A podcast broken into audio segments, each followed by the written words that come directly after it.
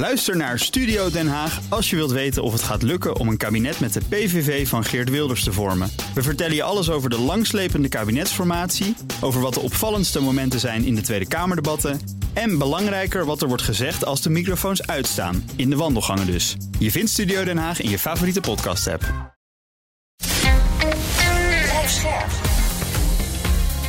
BNR Nieuwsradio. Digitaal.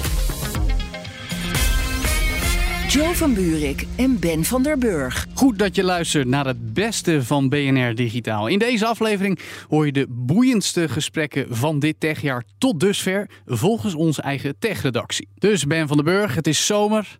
Heerlijk. Even rustig aan doen of niet? Niet. Nee, het voordeel is, je, je zit zo in het nieuws en dan komt er weer iets nieuws en dan komt Bart en dan komt ChatGPT weer iets nieuws. Nu kunnen we even ook gewoon de lange artikelen lezen. Ja. Even in de rust en even. En, en vooral, Joe, Ja. wat betekent het nu allemaal? Ja. Je zit zo in de rush. Nou, en al die gesprekken die wij elke week voeren hier in BNR Digitaal en in al onze andere podcasts. En jij in de technoloog en met collega Daniel en Nexus. Je, kan, weet je, je moet het ook af en toe verwerken. We hebben een hele zomer hebben de tijd om het te verwerken. En het leuke is, als je dat gaat doen, uiteindelijk verwerk je niks. Uiteindelijk blijf je ook weer gewoon in een En er komen nog meer vragen die we dan willen stellen. En nou ja, dat, dat doen we nu even ietsje minder deze zo. iets minder. Ja. Maar dan kunnen we wel weer over, even nadenken over alles wat we gehoord hebben. Zoals ook in deze aflevering. En, en, en dan kun je altijd afvragen, waar moeten we nou echt voor vrezen? Hè? Is dat de marktmacht in het geval van cloudbedrijven? Ja. Of de, de nog redelijk verre dreiging van quantumcomputers? Ik had gelukkig de tijd afgelopen week om iets meer eh, wel in de diepte te gaan. Er was zo'n analist en die vertelde van... het is heel gek dat wij onze infrastructuur... dus private bedrijven, onze infrastructuur... wo- wordt nu beheerst door private bedrijven. Ja, alsof alle asfaltwegen in Nederland Is- ook van commerciële bedrijven zijn. Ja, en dat is best wel eng, gevaarlijk. Maar zo is het nu geworden. We zijn afhankelijk van Microsoft en Amazon en Google voor cloud dan. En Oracle probeerde nog wat. En je hebt kleine, weet je, cloudbedrijven natuurlijk. Maar die hebben niet de power van die hele grote. Waardoor je niet de applicaties hebt zoals je hele grote. Ja, dat, de- daar maak ik me meer zorgen. Want jij vraagt waar me- maak je me zorgen om? Nou, ik denk dat dat meer consequentie heeft dan quantum. Want quantum, weet je wel, ver weg. Ja, dat zeg jij nu wel, maar het is er eerder dan je denkt. Hè? Nou, wat ik leuk vind, is dat we nu al moeten nadenken wat de consequenties zijn Ja. van cloud. Ja, maar goed, dat, En ook van quantum. Dat is wat we hier doen. Ja. En dat is dus waar je nu naar kan luisteren in enkele van de beste gesprekken die we dit jaar al voerden in BNR Digitaal. Digitaal. Cloudbedrijven kunnen hun borst nat maken voor de autoriteit Consument en Markt. Want die waakhond grijpt naar nieuwe wetgeving om duidelijk te maken hoe overstappen tussen providers gemakkelijker moet kunnen. Dat is de nieuwste stap van de ACM, die onlangs al bekend maakte de pijlen nadrukkelijker op de techsector te richten. Door te samenwerken met de Autoriteit Financiële Markten, Autoriteit Persoonsgegevens en het Commissariaat voor de Media. Maar wat betekent dit nou in de praktijk? En hoe gaat het verder dan alleen de cloud tot aan digitale winkels en uiteraard ook AI? Deze aankondiging hier als eerste toe te lichten, praten we nu met Martijn Snoep, bestuursvoorzitter van de ACM. Welkom Martijn. Hartelijk dank. Goed dat je er bent. Leuk om te zijn. Heel goed. Jullie willen dus dat overstappen tussen cloud providers makkelijker moet worden. Hè? We kennen het verhaal. Klanten worden in een ecosysteem gezogen. Zogenoemde lock-in. Dat moet stoppen. Wat is voor jullie de belangrijkste nodigheid om dat af te dwingen? Ja, wat we hebben geprobeerd is, we hebben eerst eigenlijk een onderzoek gedaan naar wat is nou het probleem. Eh, is er eigenlijk wel een probleem? En wat we hebben gezien, dat inderdaad gebruikers het lastig vinden om hun data uit de ene cloud over te hevelen naar de andere cloud. Of om data voor dezelfde applicatie uit twee clouds tegelijkertijd te gebruiken. Interoperabiliteit Juist. en interconnectie. Ja. Twee lastig, dat zijn de twee lastige punten.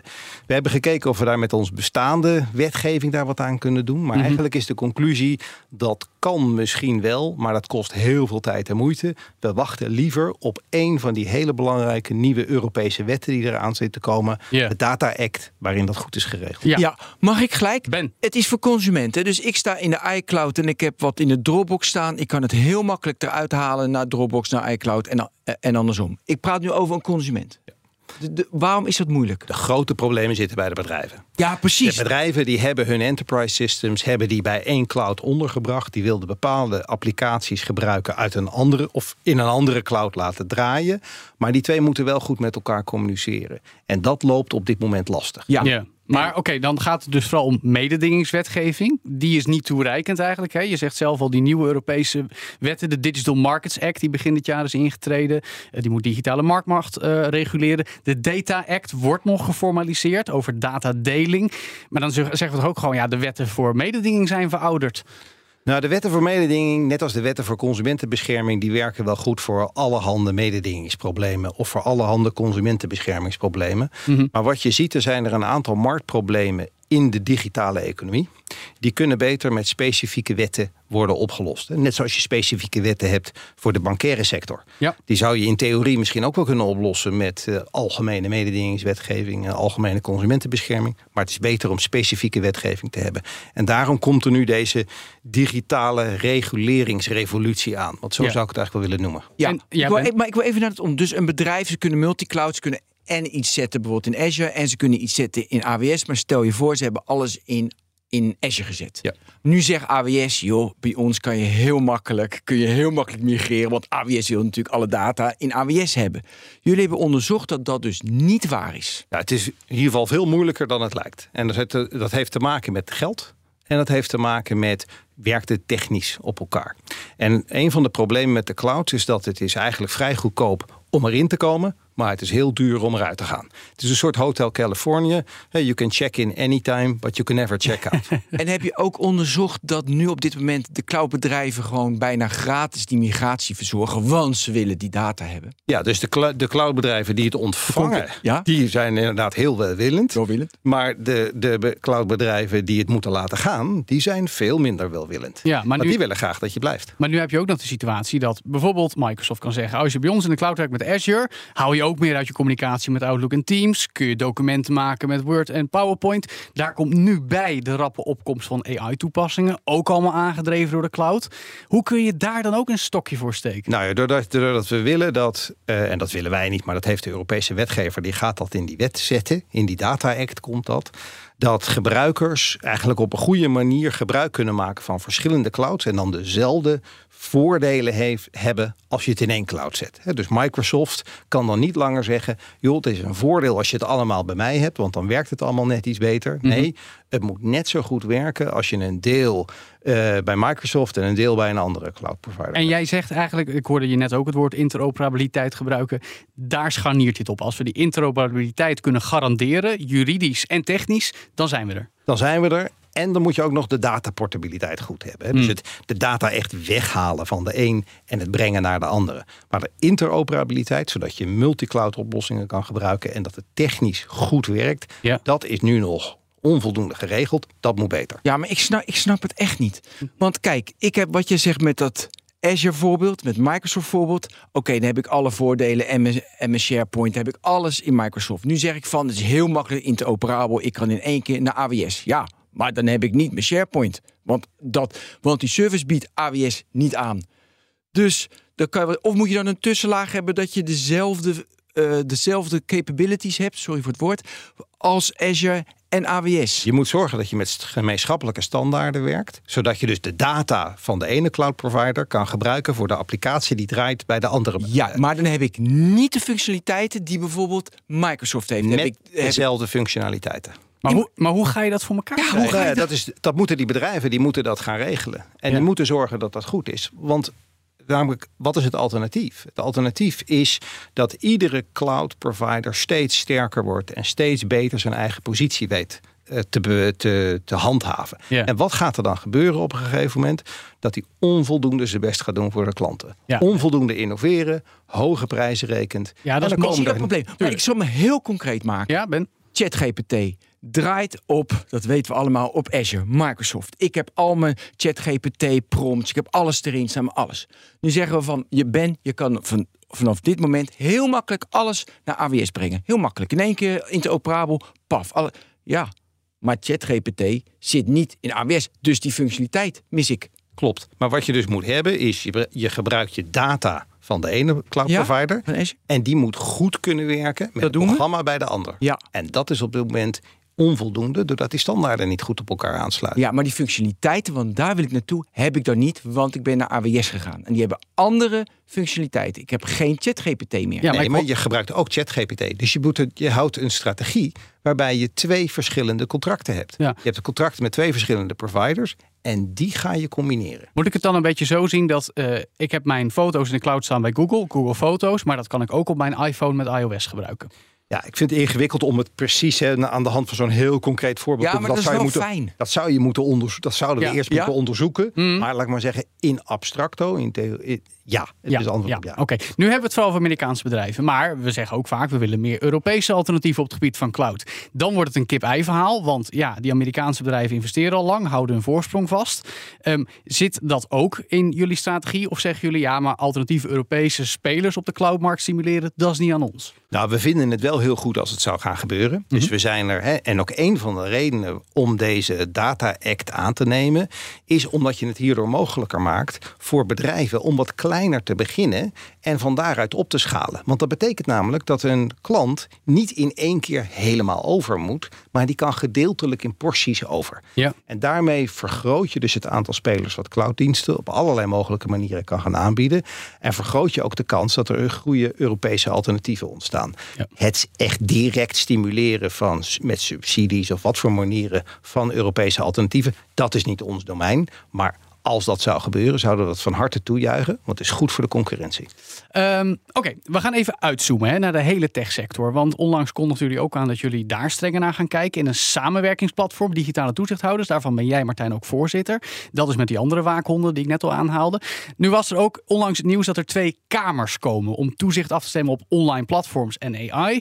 En dit is misschien een beetje cynisch, maar dan voelt het mij als bureaucratie op bureaucratie stapelen. Of hebben jullie die nieuwe divisies nodig om meer grip op die thema's te krijgen? Wat we, wat we hebben doen is, komen, er komt een ongelofelijke hoeveelheid nieuwe wetgeving aan. Ja. Eh, dat ziet iedereen aankomen.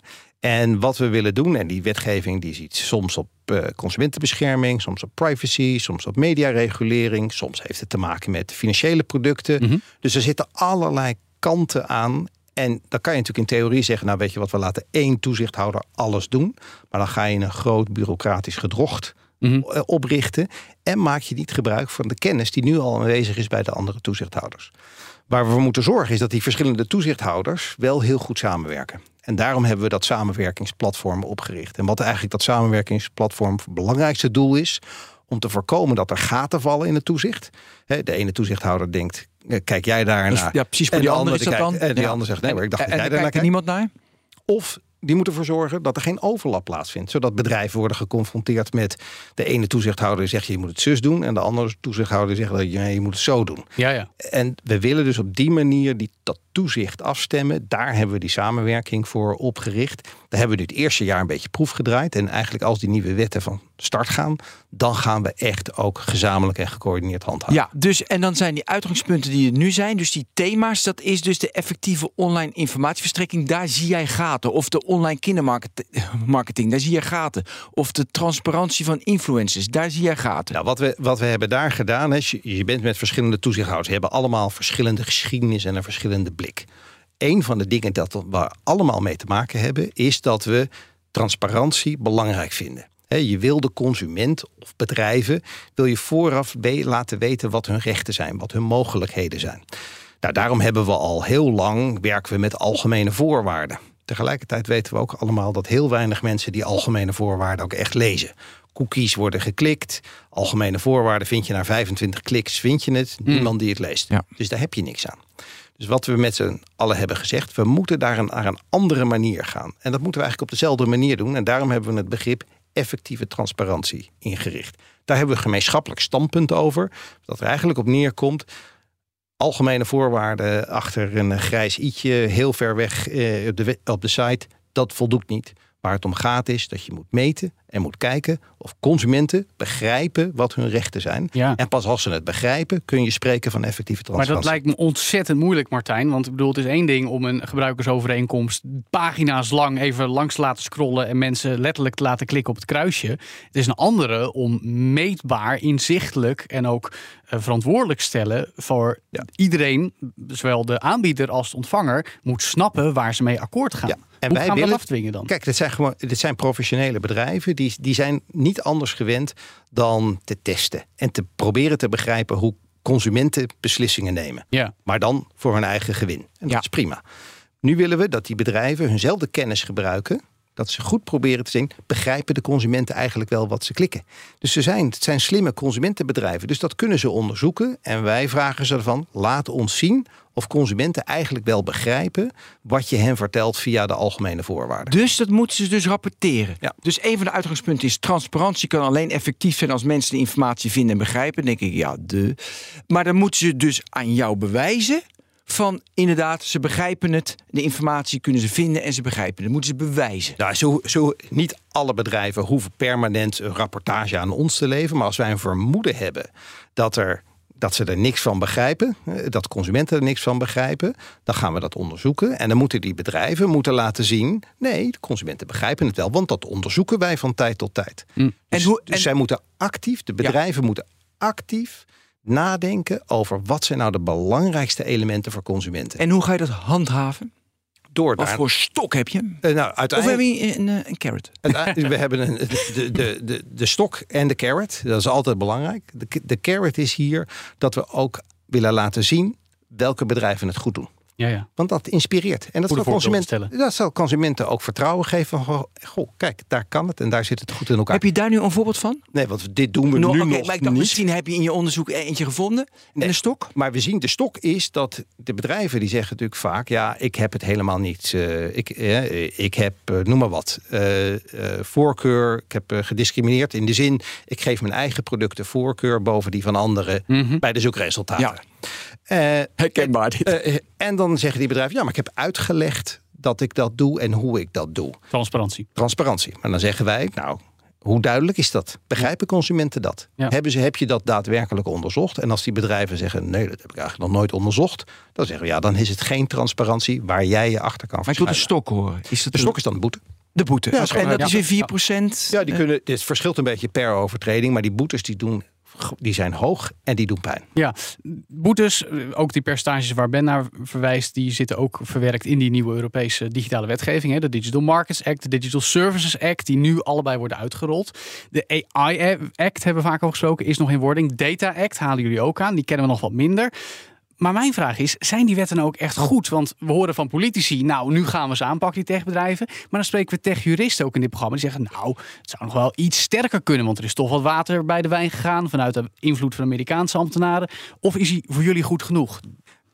Ik zou zeggen dat die goed genoeg is. Eh, het, Kan je- beter, maar jullie kunnen mee uit Het kan beter, eh, maar het, ja, zo'n wet is ook een politiek compromis. Ja. Eh, dat is ook de, de realiteit.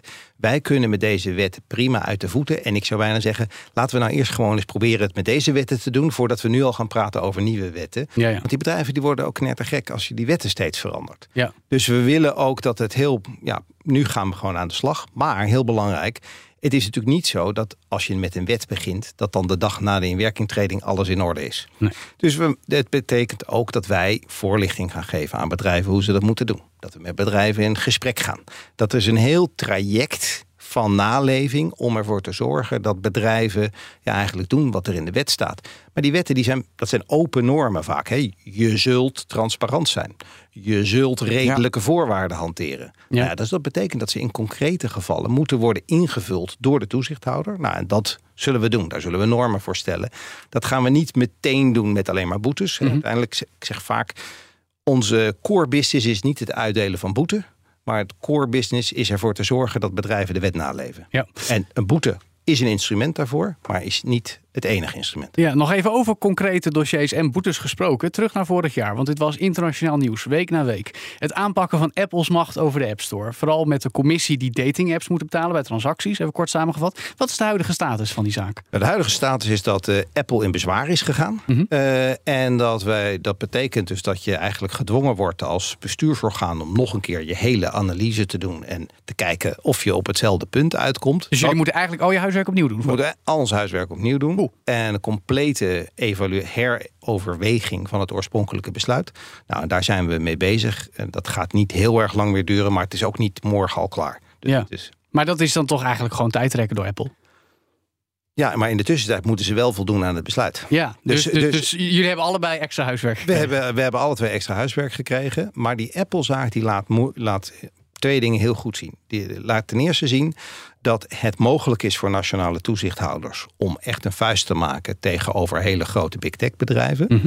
Maar die laten ook zien dat je het niet alleen kan doen. Ja. We hebben in deze zaak nauw samengewerkt met de Europese Commissie. Ja. Eh, en, en dat is ook het model wat we voor de toekomst zien voor eigenlijk de hele regulering van de big tech se- sector. Dat je moet samenwerken binnen je eigen land met andere nationale toezichthouders. Ja. Maar ook binnen Europa met de Europese Commissie en andere vergelijkbare toezichthouders. Dus de samenwerking tussen de verschillende toezichthouders is veel belangrijker geworden door die digitale reguleringsrevolutie. Ja, die we in Europa zien. Even over Europa gesproken. Mijn favoriete dossier. De overname maar, van eh, Activision Blizzard door Microsoft. Hè, voor bijna 70 miljard dollar. In ons werelddeel moet die eh, deal door de EU worden goedgekeurd. Zal later in april blijken. Is de ACM daarbij ook betrokken? Nee, dus eh, we hebben in Europa een systeem waar er eigenlijk een soort eh, verdeling van de fusies is. Tussen als het een bepaalde grootte is, dan doet alleen de Europese Commissie het. En als het wat kleiner is, doet alleen de ACM het. Of nationale toezichthouders in Europa.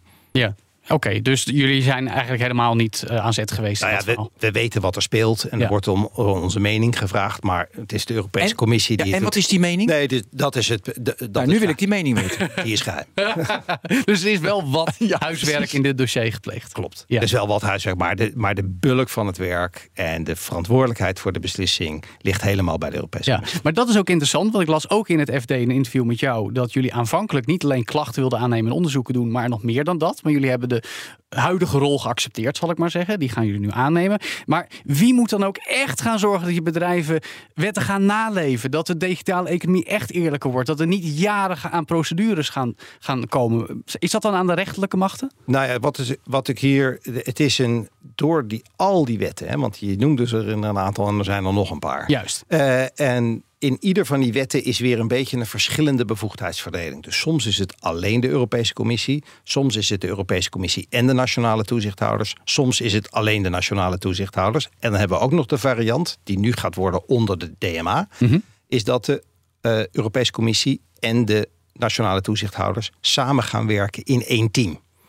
Uiteindelijk zijn het die toezichthouders gezamenlijk die verantwoordelijk zijn dat de naleving gaat plaatsvinden. Ja, Martijn, ik heb een ander type vraag. Ik heb het idee dat de laatste jaren de versnelling in wetten best wel is doorgezet digitaal. Dus dat is echt sneller gegaan. Vooral in Europa bedoel je dan? Europa, maar ook in Nederland. Ja. Er wordt echt, er En zit zelfs langzaam zeker in de VS misschien? VS wel eh, bovenop. Wat hebben jullie veranderd in de organisatie of manier van samenwerken dat dat ook lukt? Nou, wat er, eh, ver- er zijn eigenlijk twee dingen veranderd. Ik denk die wetten die worden natuurlijk gemaakt door de parlementen. Dus er is een hele grote politieke Urgentie. urgentie en realiteit. We moeten wat doen. Hè, we kunnen, dat was eerst nog de gedachte. Nou, misschien kunnen we het wel met die algemene mededingingsregels of die algemene consumentenbeschermingsregels. Toen is er gedacht, nee, hier moeten we eigen wetgeving. Het moet een gereguleerde industrie worden. Maar daar heb je nog niks veranderd organisatorisch dat je het ook kan. Want je kan het beseffen, maar Ja. je moet het ook kunnen. Klopt. Opschalen, meer capaciteit, meer geld. Ja, en dan maken de parlementen maken de wetten. En vervolgens worden de toezichthouders aangewezen. En die toezichthouders, die groeien dan. Die nemen een aantal toe. En die moeten zorgen dat die, dat die wetten ook daadwerkelijk worden nageleefd. Ja. Tot slot nog even. Jullie vergelijken dat eh, ja, permanent toezicht houden op techbedrijven. Eigenlijk met hoe dat gaat op de bankensector. Las ik ook in jullie toelichtingen. Er moet ook een balans gevonden worden tussen elkaar aanspreken en verbinding zoeken met elkaar. Wat kunnen jullie van die hoek leren? Nou, wat, we, wat wel mooi is wat in de bankaire sector is, is A, dat die samenwerking in Europa daar goed werkt. Dus de toezicht op de Europese banken is een deel van de bevoegdheid zit bij de Europese centrale banken en een deel zit bij de nationale banken. Eh, nou, dus hoe zij dat doen, daar kijken we goed naar. Dat Ja. is denk ik één. Het tweede is, er zit een, een. Het is niet alleen maar in het bankentoezicht dat ze om de hoek staan met een grote knuppel om op hun hoofdkop te slaan. Niet alleen de stok. Maar niet alleen de stok, maar het is ook de carrot en het is ook de dialoog die plaatsvindt. Ja. Nou, en, dat, en dat is belangrijk. Dat moeten wij, denk ik, beter gaan leren dan we tot nu toe hè, doen. Want we zijn eigenlijk nu vooral van de stok. Want Ja. dat is namelijk ons Ja. oude instrumentarium. Want Alexandra Verhuffelen, eh, onze staatssecretaris, zei twee weken geleden... het is best wel moeilijk in deze uitzending... moeilijk om in gesprek te komen Ja. met Big Tech. Ervaar jij dat ook? Nee. Om, eh, om die dialoog te krijgen. Nog niet. Nee, dat, dat kan nog komen. Bij jou gaat het goed. Ik vind dat dat eigenlijk, hè, het kan beter. en- Maar je en het- we zitten nog niet echt in de, in de heat of the moment. Maar je ziet dat het de langzamer beter gaat. bereidheid is er. De bereid, en dat heeft te maken met dat we het als Europa samen doen. Ik ben ervan overtuigd dat als we als Nederland dit alleen zouden doen, dan zouden we geen deuk in een pakje boter slaan. De enige reden is dat we het als Europa samen doen en de Europese markt is te groot voor de big tech bedrijven om te negeren. 450 miljoen mensen, hè? Precies. kun je niet zonder. Dankjewel, Martijn Snoep, bestuursvoorzitter van de Autoriteit Consument en Markt. En straks praten we uitgebreid over hoe we ons nu moeten voorbereiden op de naderende komst van quantumcomputers. Ook al duurt dat nog tussen de 5 en 20 jaar. Blijf luisteren. Blijf scherp. BNR Nieuwsradio. Digitaal. Joe van Buurik en Ben van der Burg. Welkom terug bij BNR Digitaal. De AIVD, TNO en het Centrum Wiskunde en Informatica presenteerden dinsdag een nieuw handboek voor de overstap naar kwantumveilige communicatie. En dat is volgens die organisaties hard nodig, want de kwantumcomputer zou hier rond 2030 al kunnen zijn. Hoe moet Nederland zich voorbereiden op de stap naar post-quantum cryptografie, oftewel PQC? PQC als u wilt. En wat zijn de gevolgen van de komst daarvan? Dat gaan we nu bespreken met twee autoriteiten op dit vlak. Thomas Attema, onderzoeker bij TNO en het Centrum Wiskunde en Informatica. En Bas Dunnebier, hoofd weerbaarheid bij de IVD. Welkom, heren. Dankjewel. Dankjewel. Goed dat jullie er zijn. Waarom moeten we ons nu al zorgen maken over de kwantumdreiging? Dat eh, komt omdat de quantumcomputer mogelijk in 2030 er al is. En dat betekent dat bepaalde soorten crypto dan gebroken kunnen worden. En dat betekent ook dat als statelijke actoren, dus landen die de geheimen van ons proberen te ontfutselen, nu gegevens al onderscheppen, ze straks ze kunnen ontsleutelen. Ja. En met crypto bedoelen we de cryptografie, dus de, de- eigenlijk alle gevoelige informatie die nu nog beveiligd is. Ehm, maar hoe, hoe reëel is die dreiging dat dat inderdaad binnen zeven jaar al gewoon zomaar op straat kan belanden door quantumcomputers? Ja, die kans is klein, maar wel reëel. Als IVD zeggen we al sinds 2015 dat het op 2030 reëel zou kunnen zijn. En die tijd is nog niet geschoven. Hmm. Dus het is niet, we weten niet precies hoe ver andere landen zijn. We weten wel hoe ver Nederland is. En daarom is nog steeds de kans reëel, wel klein, dat het in 2030 echt kan. Maar dat baseer je dus op wat ze nu aan quantum-experimenten allemaal hebben. Wat ze, nu, wat ze nu doen en de afgelopen jaren gedaan hebben. Maar we zien ook dat de ontwikkelingen op kwantumtechnologie, daar weet Thomas veel meer van dan ik, ontzettend snel gaan. Nou, Thomas, kom maar op. Hoe snel gaat dat dan? Nou, We zien dat eh, bijvoorbeeld IBM, eh, een van de partijen die voorloopt eh, in, eh, in, de bouw van een quantumcomputer, die heeft toch de afgelopen jaren het aantal qubits, dus de elementaire deeltjes van quantumcomputers, eh, die, op een chip, die ze op een chip kunnen plaatsen, hebben ze de afgelopen jaren toch maar steeds weer verdubbeld. Nou, als die exponentiële groei zich doorzet, ja, dan gaat het heel erg hard. Ja, en Thomas, kun je ook nog even voor de gemiddelde luisteraar uitleggen in het kort wat de verschillen tussen huidige computers en quantumcomputers nou ook weer zijn? Quantumcomputers eh, die, die werken eigenlijk met, met qubits. Dus klassiek hebben we bitjes, die zijn 0 of een 1.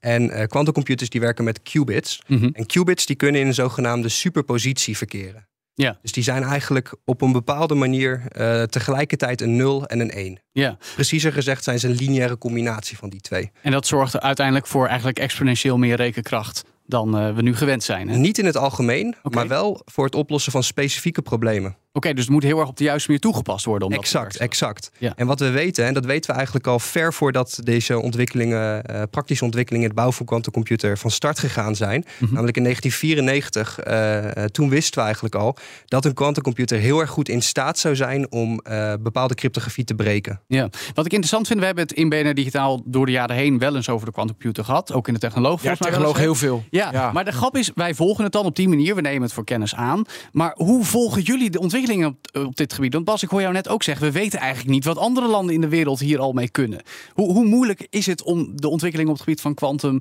geopolitiek te kunnen volgen? Heel moeilijk.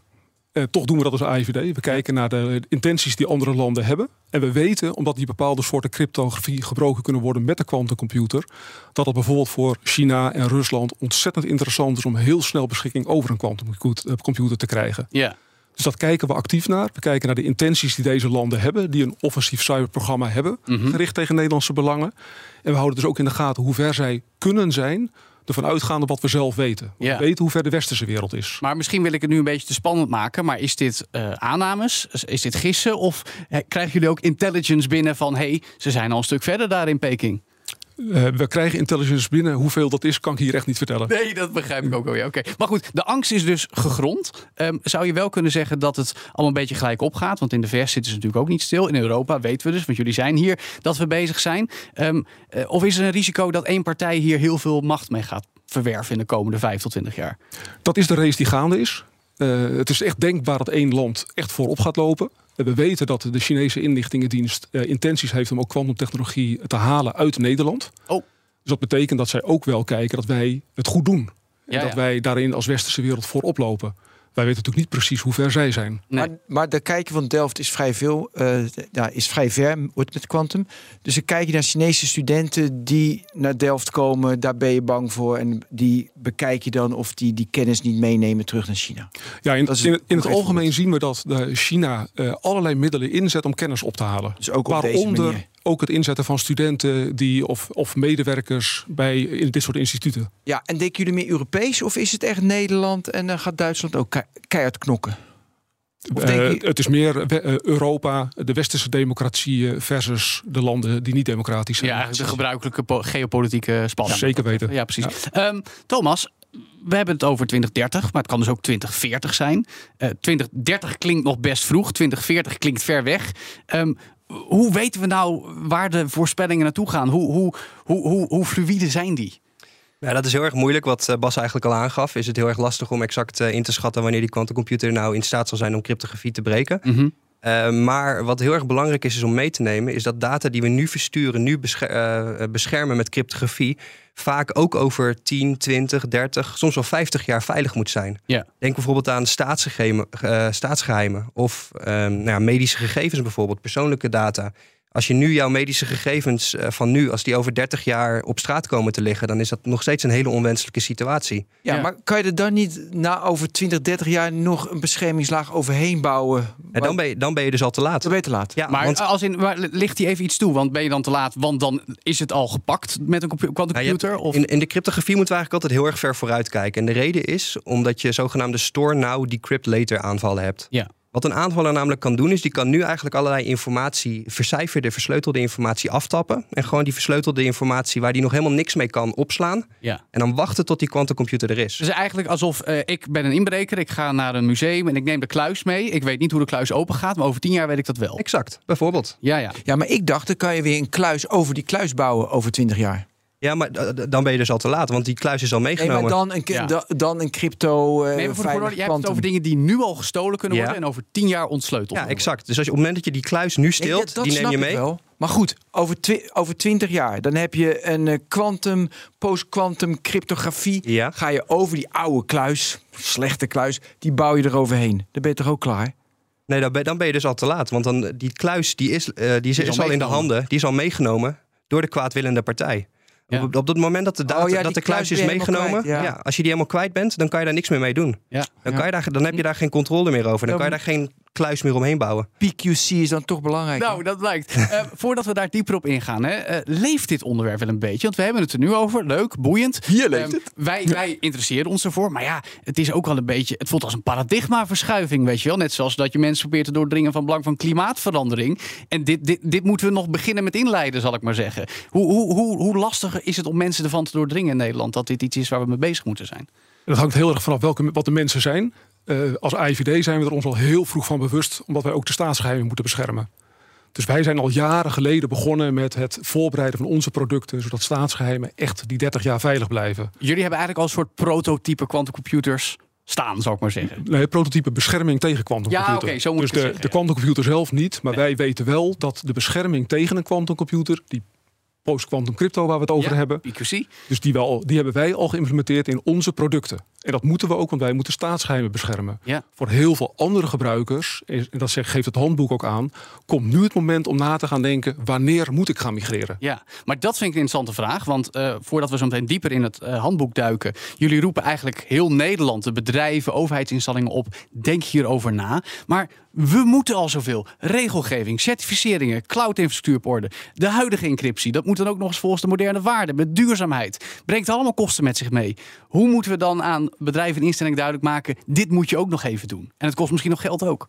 Ja, en dat, dat is echt een ontzettend goede vraag. En heel, het wordt ook heel lastig om uit te leggen. Want bij heel veel van de dingen die je net noemde, is er een soort winst te halen of duidelijk waarom we het doen. Precies. En dit is eigenlijk iets wat een fundament weghaalt wat je helemaal niet ziet. Maar Ja. als je het tapijt eronder uittrekt en de crypto werkt niet meer, dan liggen al die geheimen of die gegevens die je behandelt, die liggen wel op straat. Ja.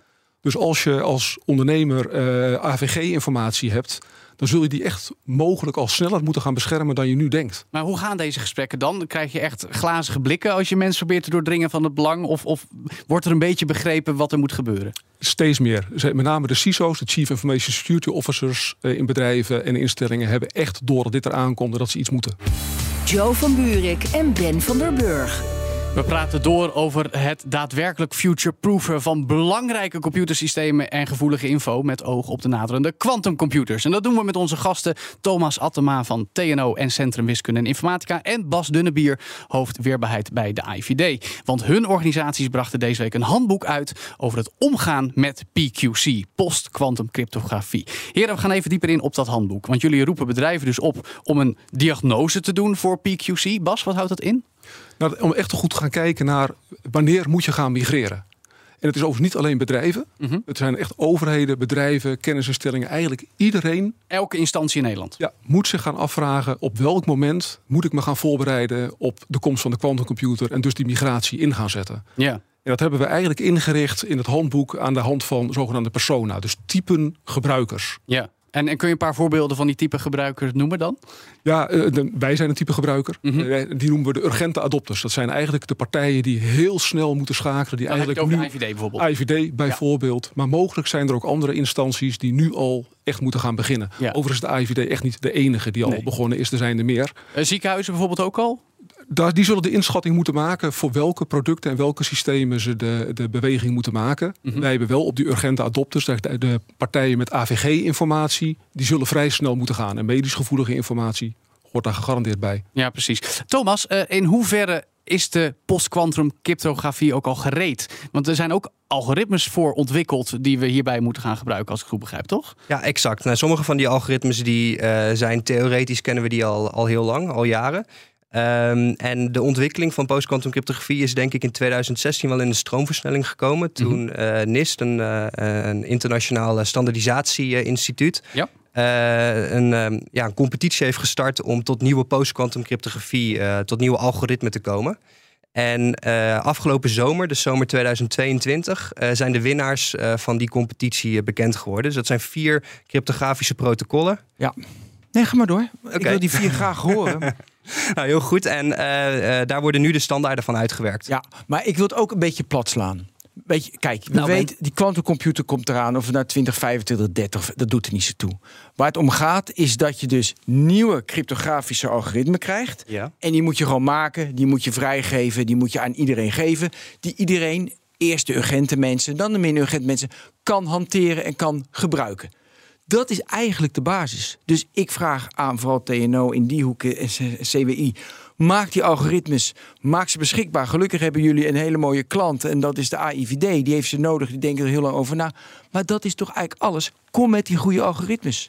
Nou, op een bepaalde manier is dat alles. Maar ehm, het probleem is als die algoritmes er eenmaal zijn, als die geïmplementeerd zijn, dan kunnen ze uitgerold worden. Alleen dat uitrollen, dat is een ontzettend complex proces. Nou, We hebben, dat, we hebben in het verleden gezien andere cryptografische algoritmes die eh, breed gebruikt werden. MD5, eh, DES, Triple DES. Dat zijn algoritmes die in het verleden eh, ontzettend veel toegepast werden.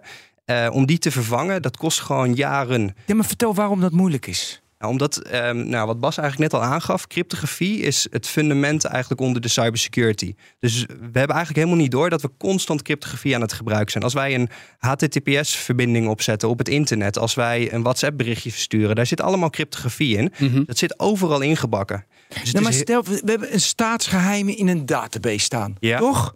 En dat moeten we encrypten. Ja. Dan, dan gooi je dan toch, gooi je, dan bouw je dan toch een andere, een, een, eh, een, betere kluis. Ja, dan bouw je dus een betere kluis, een betere cryptografie overheen.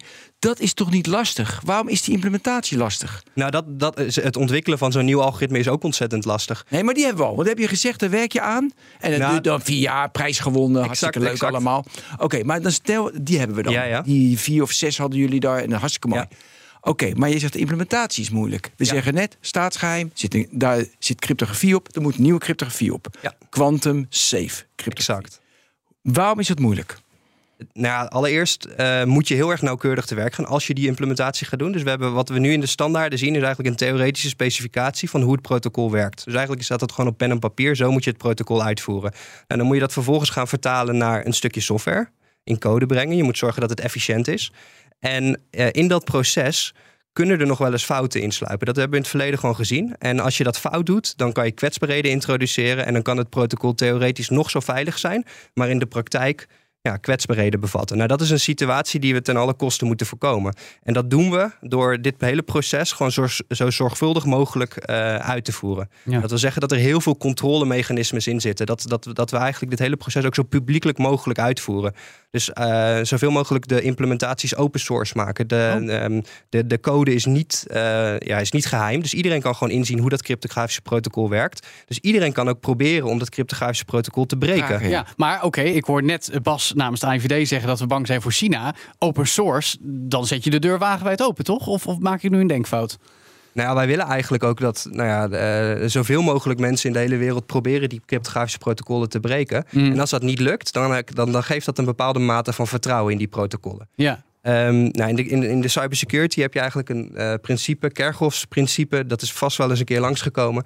En uh, die zegt eigenlijk dat je je security niet moet baseren op uh, ja, obscurity. Dus, dus je wil niet dat je veiligheid afhangt van het feit dat aanvallers niet weten hoe de code werkt. Ja, precies. Bas, nog even terug naar de IVD. Want wat is jullie rol hier verder in? Ik snap heel goed dat staatsgeheimen beveiligd worden. Dat gaat om jullie zelf. Maar hoe treden jullie hier verder mee naar buiten? Nou ja, zoals hier. Wij vinden het echt van belang dat Nederland een digitaal weerbaar land is. Mm -hmm. We hebben ook in de, in de Rijksbeleid staat nu echt dat we digitaal autonoom moeten willen zijn als land. We zijn voorbij naïviteit op dit gebied. Mm -hmm.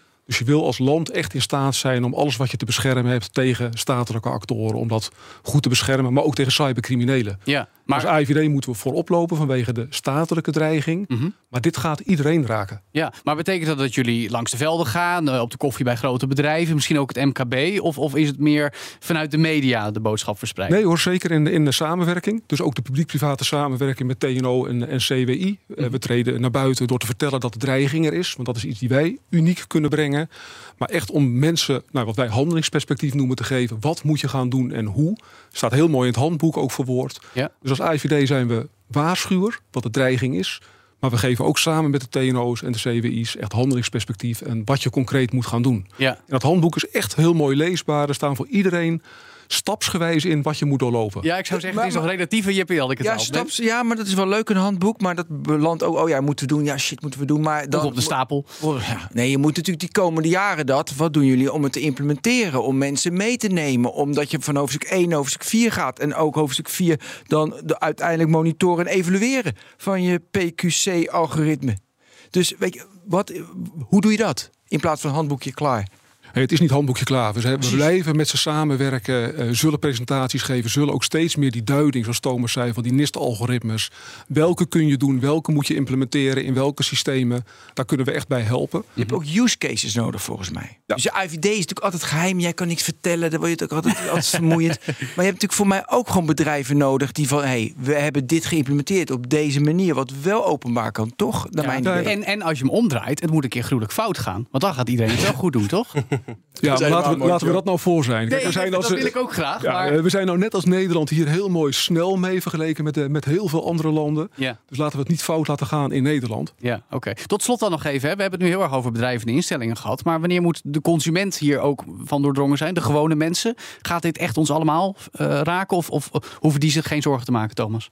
Ja, het, het gaat inderdaad iedereen raken, wat ik net al zei. Uh, als je een WhatsApp-bericht verstuurt, dan maak je gebruik van encryptie. Mm -hmm. uh, dus op een gegeven moment moet die encryptie ook veilig zijn tegen quantumcomputers. Nou, het liefst hebben we natuurlijk dat dat op een uh, ja, naadloze manier gaat, waardoor de consument daar eigenlijk niks van merkt. Nee, ja, maar dat is aan Meta, moederbedrijf van WhatsApp. Nee, exact. Dus, dus... Daar, daar moeten we dan mee samenwerken. En of wij dat dan precies zijn, of ze dat zelf gaan uitrollen, dat, dat laat ik even in het midden. Maar met dat soort partijen moet je samenwerken, ja. zodat die overgaan naar nieuwe cryptografie. Ja, dus jullie hebben nog niet de gesprekken met de techreuzen of zij ook wel een beetje opschieten met hun uh, PQC? Daar hebben wij ook gesprekken mee. Oh wel? Ja. Oké. Okay, ja. En, uh, en? en? Nou, er zijn een aantal uh, partijen zijn echt wel bezig met, uh, met dit onderwerp. En ook met, met het ontwikkelen van nieuwe cryptografische primitieven en deze ook uitrollen. Uh, een voorbeeld is, wij hebben een Hapkido-project waarin we nieuwe ja, public key infrastructuren aan het ontwikkelen zijn. En dat doen we bijvoorbeeld samen met Microsoft. Kijk, nou, zo is er toch nog een beetje hoop voor de ontwikkeling van PQC. Dank Thomas Attema van TNO en het Centrum Wiskunde en Informatica en Bas Dunnebier, hoofd weerbaarheid bij de AIVD. Tot zover BNR Digitaal. Ook altijd te beluisteren als podcast op elk bekend platform, inclusief de BNR-app. Dan kun je ook luisteren naar de tech-update twee keer per dag. De Cryptocast en de Technoloog, nieuw elke dinsdag. En All in the Game en Nexus, nieuw elke donderdag. En luister die, inclusief het interview met Hank Rogers, de man achter Tetris. Ik plug hem nog één keer. Ja, heel goed. Dat omdat het kan. Maar natuurlijk woensdag weer een nieuwe BNR Digitaal. Dus zeg ik ook nu weer namens onze hele tech-redactie tot volgende week. Ook Hugo Reitsma vind je in de BNR-app. Superhandig die BNR-app. Je kunt alle programma's live luisteren, breaking nieuwsmeldingen. Je blijft op de hoogte van het laatste zakelijke nieuws. En je vindt er alle BNR-podcasts, waaronder natuurlijk de belangrijkste, Boeken zijn in de wijk. Download nu de gratis BNR-app en blijf scherp.